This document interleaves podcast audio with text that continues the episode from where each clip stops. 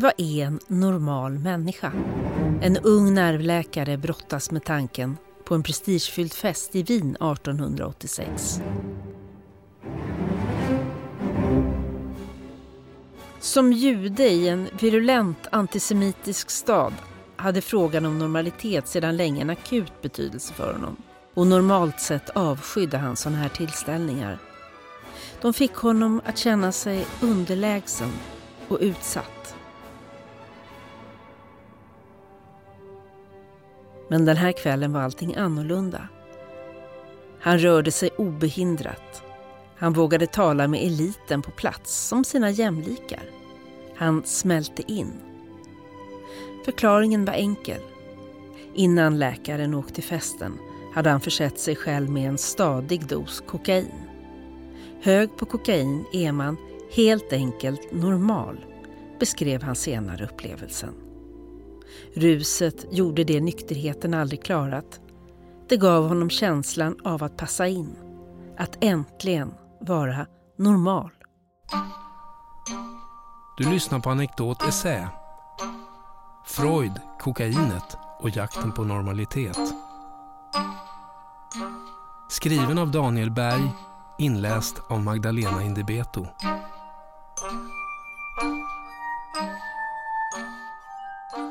Den unge nervläkaren som gjorde den häpnadsväckande kopplingen mellan normalitet och kokainrus hette Sigmund Freud. Han hade varit en pionjär i utforskandet av detta farmaceutiskt nyligen kommersialiserade preparat på vetenskaplig väg. 1884 publicerade han Überkoka, hans första i en rad publikationer om ämnet. Det vann honom erkännande och etablerade honom så pass som yrkesman att han fick råd att gifta sig. Om kokainet på så vis stadgade Freuds yttre omständigheter formade det i lika hög grad hans inre, såväl hans känslo som tankeliv. I brev Freud skriver till sin fru under påverkan av kokain framkommer att hans sexuella självkänsla fick sig en rejäl styrketår av universalmedlet. Han förvarnar henne om de njutningar hon kunde förvänta sig från en vild man med kokain i kroppen. Iakttagelserna om den stimulerande effekten på genitalierna som Freud gjort i Überkoka hade inte bara kommit till honom iklädd laboratorierock.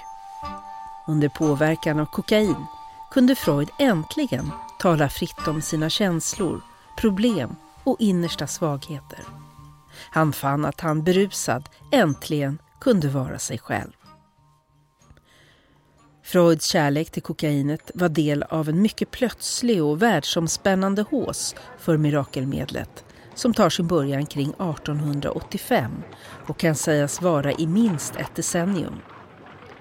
På några få år går drogen från att bli allt mer populär bland läkare till att finnas tillgänglig i snart sagt varje liten vrå av världsmarknaden. Kokainets segertåg dessa år fångar allt som var nytt med kapitalismen vid denna tid.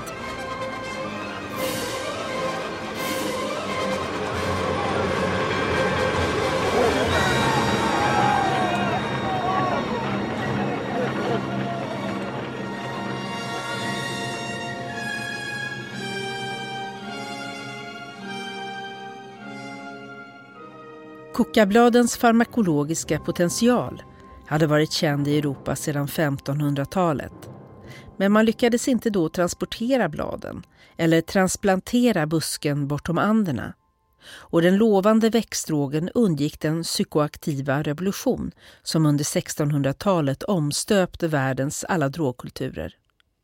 Det var först med framstegen på kemins och farmakologins område under 1800-talet som kokainets alkaloid kunde identifieras i bladen.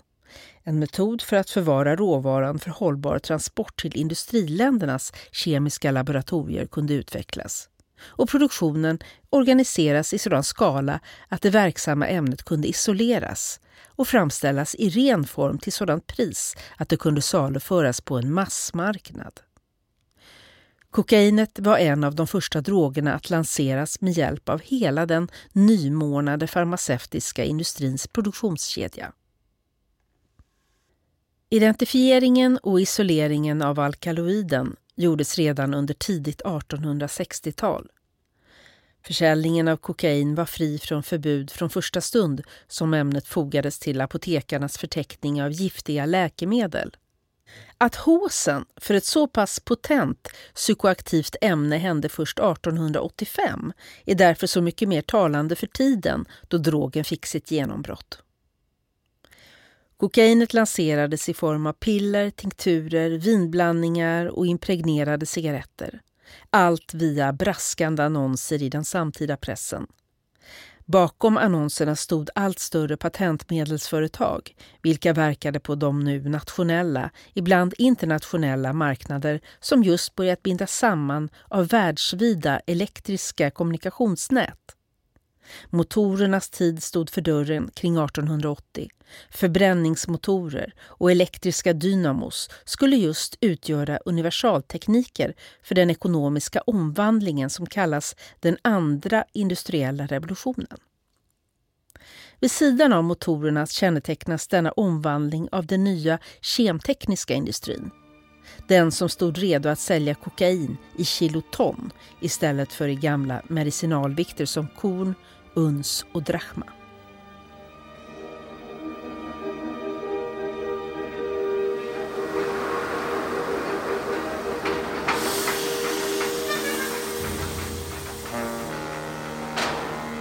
Det går nog att med vetenskaplig trovärdighet i behåll mena att kokainet behövde vänta in denna tekniska revolution i några årtionden.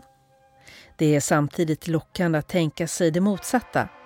Den andra industriella revolutionen behövde kokainet för att tända på sin startmotor. Den låg otåligt väntande med pyrande stubin på att kokainets trearmade varukedja från Lima till Hamburg, New York och Tokyo skulle smida stark nog för att människomassornas nerver skulle ha mod att möta explosionerna från revolutionens världspatenterade dynamitgubbar. Oavsett mystik eller krass kalkyl var kokainet och 1880-talet som gjorda för varann. Möjligen bidrog denna sömnlösa passform inte bara till den unge Freuds kokainkärlek utan även till de frågor om nykterhetens normalitet hans tänkande därefter kom att kretsa kring. Är det normalt att vara nykter när man känner sig normal först när man berusar sig med kokain? Förutom allt annat som karaktäriserade 1880-talet var detta decennium kanske den mest förvirrade tiden att försöka svara på denna fråga. Detta var nämligen det verkliga genombrottet för det absolutistiska nykterhetsbegreppet. Före denna tid hade nykterhetsföreningar haft måttlighet som mål. Nu omvandlades föreningarna till en hel nykterhetsrörelse och i denna form förespråkade man total avhållsamhet som den enda trovärdiga innebörden av begreppet nykterhet. Denna begreppsinnovation kombinerades med en allt mer rigid taxonomi på drogmissbrukets område. Varje drog fick nu sin särskilda beroendesjukdom där den svenska läkaren Magnus Huss var pionjär med sin alkoholism 1855. Tidigare sågs ett destruktivt vanebruk av droger som en allmän omåttlighet utan brandväggar mellan de former denna omoral tog sig. Nu blev det enklare att tänka sig att en morfinist och en alkoholist var sjuka på var sitt sätt. Bestämt av fysiologins och farmakologins samspel. Dessa begreppsinnovationers genomslag på 1880-talet spelade rimligen en roll i Freuds frågor om normaliteten och kokainet. Hur förklarar vi det till synes motsägelsefulla med en tid som normaliserar kokainrus och på samma gång med allt högre röst uppmanar till absolut nykterhet? Ett svar är just kategorisepareringen droger emellan.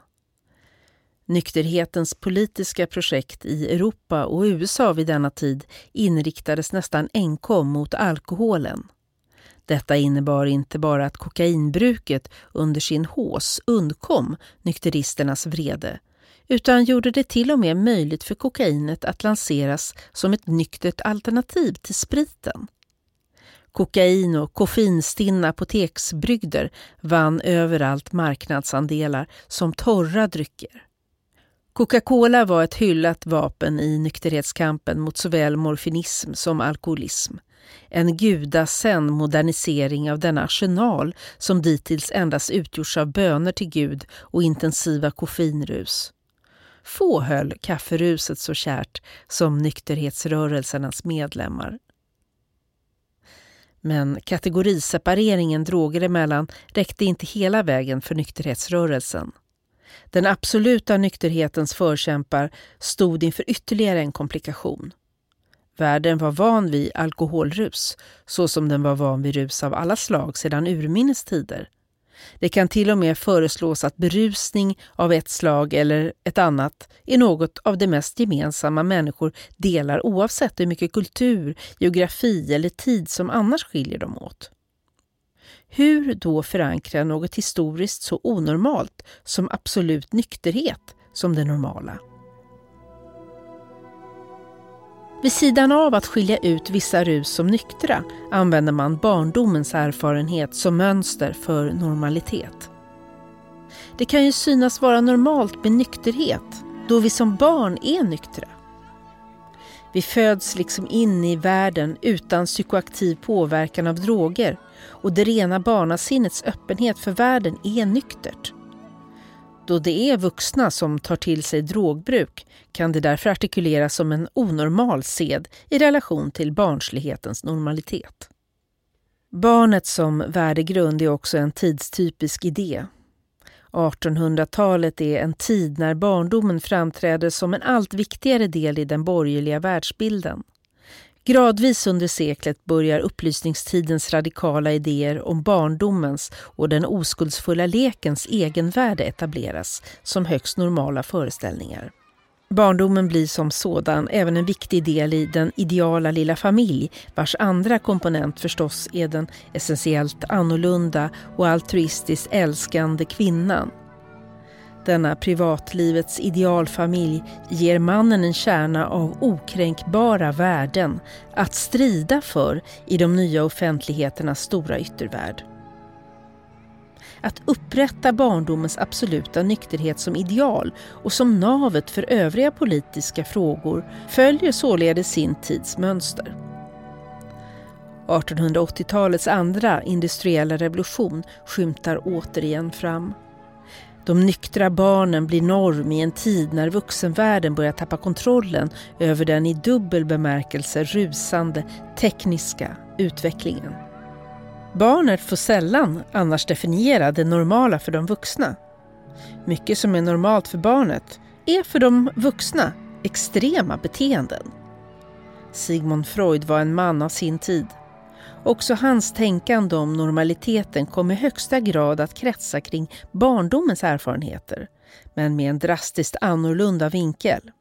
Freud skulle decennierna efter sekelskiftet nå slutsatsen att normalitet i huvudsak karaktäriseras av en hälsosam utvecklingsbana bort från formerna för barnets driftsliv.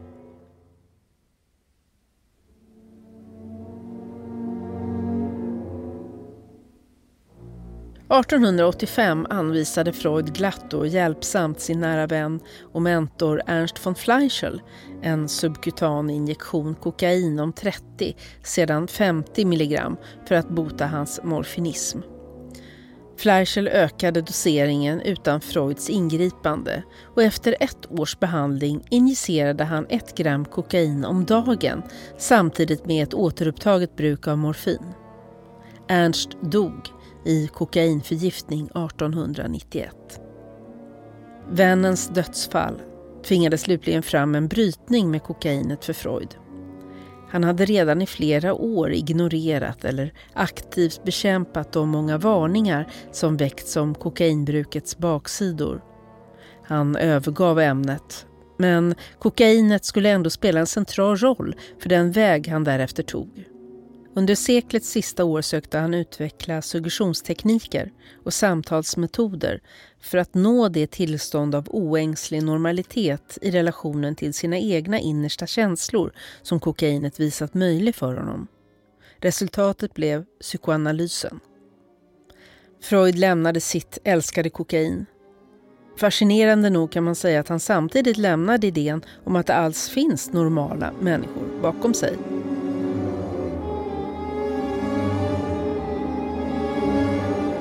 Psykoanalysens utgångspunkt är att alla är mer eller mindre onormala med mer eller mindre svag självinsikt och kontroll över sina inre drivkrafter. Utan kola, ingen verklig normalitet. Under mellan och efterkrigstiden intar psykoanalysen en hegemonisk ställning i västvärldens syn på psyket och mental hälsa. Ångest är ett normalt sinnestillstånd hos människan enligt psykoanalysen. Normalt men behandlingsbart. Genom ångestens centralitet i freudiansk teori och kopplingen till stress kunde nu en vit medelklass i den industrialiserade världen börja tolka sina psykiska problem med strikt medicinska begrepp och efterfråga behandling. Behandlingen behövde dock inte vara psykoanalys, ansåg farmaciindustrins företrädare. Freud hade i själva sin teoribyggnad bäddat för ett enormt logistiskt problem. Hans upptäckt att alla var onormala men att ångest var normalt gjorde att när teorin vann mark skedde en efterkrigstida demokratisering av stress och ångest. De blev folksjukdomar. Freuds insisterande på att psykoanalys var enda sättet att nå kokainets normalitet skapade en ohållbar problembild. Mellan 10 och 20 procent av USAs befolkning ansågs psykosocialt funktionsnedsatta enligt tidens medicinska kriterier.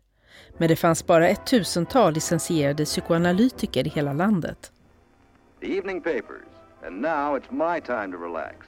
Just the wind up of a typical work day in my life. Farmaciindustrin hade en enkel lösning.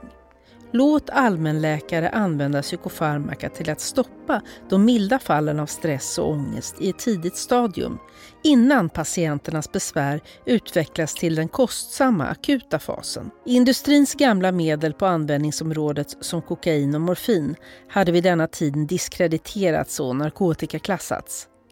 Men i deras ställe hade de utvecklat vad de kallade lugnande medel utlovade som milda, ofarliga och inte beroendeframkallande. Den första försäljningssuccén kommer 1955 till 1956 med Milltown med Probamat. Ämnet går snabbt från 1% till 70% av de utskrivna lugnande medlen i USA. Efterföljande lanseras av många företag. Ledande blir snart Roche med Librium och systermedlet Valium. Marknadsförarna fick som mål att förklara för läkarna att en konstant berusning med Miltown gjorde patienten mer normal. I Science och andra tidskrifter rekommenderades Miltown för att klara ansträngningarna i känslolivet såsom sorg, arbetslöshet, stress i kampen mot en konkurrent eller som följd av en skilsmässa. Att nyktert dröja kvar i djup sorg ansågs som sjukligt. Doctors are now prescribing an ataraxic medicine. It makes those who fear they're about to quit feel like they're ready to begin, bidding their darkened spirits goodbye for the calming peace of a cloudless sky. Of all the states throughout this nation, I reklamen för Ritalin användes det diagnosklingande begreppet environmental depression för att fånga in de olikformade illamåenden som ett nyktert leverne i den moderna världen alstrade under den ekonomiskt expansiva fas som kommit att kallas de gyllene åren. Reklamlanseringen av normaliserande piller blev en oerhörd framgång. Mängden av prescription mood drugs som användes var enorm när man för första gången under sent 60-tal undersökte saken. Hälften av amerikanarna hade testat sådana medel i sitt liv och nära 20 procent använde dem vid detta tillfälle frekvent eller vanemässigt. I början av 70-talet var Valium världens mest sålda varumärkta läkemedel. Liksom kokain och morfin, heroin och amfetamin kom också Valium att efter sin hås kastas ner i en bäs för att därefter rinna ut i en reglerad nischanvändning inom medicinen. Liksom för alla dessa ämnen kom också denna gång farmacin med nya ersättningsmedel återigen utlovade som motsatsen till de gamla utan beroendeskapande egenskaper och med förmågan att lyfta patienter upp ur sin depression och sorg till ett mer normalt tillstånd. Prozac tillhör den nya klass medel som kallas antidepressiva och som blev 1990-talets stora kassako för farmaciindustrin. Trots att medlens effektivitet som ett bredspektrumläkemedel redan kring millennieskiftet var mycket ifrågasatta fortsatte utskrivningen av dem att öka kraftigt. I Europa med 20 procent per år under årtusendets första decennium. Även barnen kom att lagligen berusas allt mer under denna tid. De senaste decennierna har man börjat upptäcka allt större, närmast epidemiska former av problem främst hos barn knutna till hyperaktivitet, stingslighet och allmän motvilja samt en svårighet att koncentrera sig på arbetsuppgifter vid skrivbord och skärmar. Idag har 5-8 av barnen i USA diagnosen ADHD. Amfetamin i olika former är de vuxnas främsta vapen i kampen för normala, fokuserade barn. Farmaciindustrins reklamare har följsamt omformulerat gamla medel efter tidigare mönster för den nya tidens behov. Den föreskrivna amfetaminanvändningen dubblerades i USA under decenniet efter 2006. Reklamen för de nya lugnande medlen handlade tydligt om att saluföra en sorts normalitet. Att göra reklam för psykoaktiva mediciner var i sig inget nytt. Lejonparten av 1800-talets annonsmarknad utgjordes av reklam för patentmediciner. Medel med hemliga ingredienser men öppenhjärtigt redovisade mirakeleffekter. Ofta, om inte oftast, innehöll de psykoaktiva droger. Mindre ofta, om inte rätt sällan, hjälpte de mot någon av de otaliga åkommor de lovade bota. Avgörande för framgången var redan då de förföriska bilderna i den eleganta formgivningen. Därtill ingick kvalitetsgarantier från rika och mäktiga, vackra och berömda personer på omslaget. Redan här saluförs alltså inte bara ett läkemedel utan också en eftersträvansvärd normalitet. Det finns en självförstärkande dynamik även i reklamlanseringen av lugnande och ångestdämpande medel. Den bygger på en enorm reklam för läkemedlen för att göra folk normala genom ruset. Men reklamindustrin i allmänhet är därför också med och formar bilden av vad som anses normalt. Läser man samman dessa insikter från psykologins två ytterflanker, psykofarmakologin och psykoanalysen, med en enkel analys av vårt makroekonomiska system, blir resultatet snart rätt så rysligt. I grunden handlar det om ett intrikat samspel mellan vad vi begär och de villkor som vårt kapitalistiska samhälle alltid redan ställt upp för detta begär. I mitten av farmaciindustrins reklamdrivna kommers står på detta sätt normaliteten som ett tomt svart hål. Detta är just den insikt som psykoanalysen nådde vid denna tid. Enligt psykoanalytikern Jacques Lacan är det inte nog med Freuds insikt om att gemene man är onormal. Själva längtan att passa in och bli normal utgår dessutom från en tom centralpunkt. En godtycklighetens och meningslöshetens nod kring vilken varje människa organiserar sitt begärsliv i en fåfäng längtan att till denna tomhet knyta något positivt värde ett svart hål i en evig jakt på fler och fler solar att binda till sin galax bana. Mer och alltid mer ljus att dölja sitt nakna mörker bakom. Man kan tänka sig att världen delade sig där kring år 1900. För Freud dog drömmen om normalitet Just som han la ner sprutan och tog sig an djupstudier av våra drömmar. Han såg sig tvungen att se människan som i grunden onormal och aldrig förmögen att bli helt frisk. Därför såg han sig också tvungen att på samma gång acceptera och kritisera den kultur som kringrände människans begär och väckte hennes ångest. Han förstod att han var vuxen. För världen i övrigt tog historien lika mycket en annan riktning. Jakten på normalitet hade bara börjat.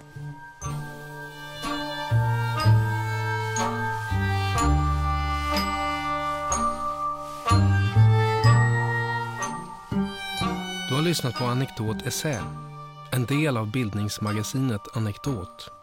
Musik Oskar Schönning, regi Lars Indebeto, producent Magnus Bremmer. Fler essäer, poddar och filmer hittar du på anekdot.se.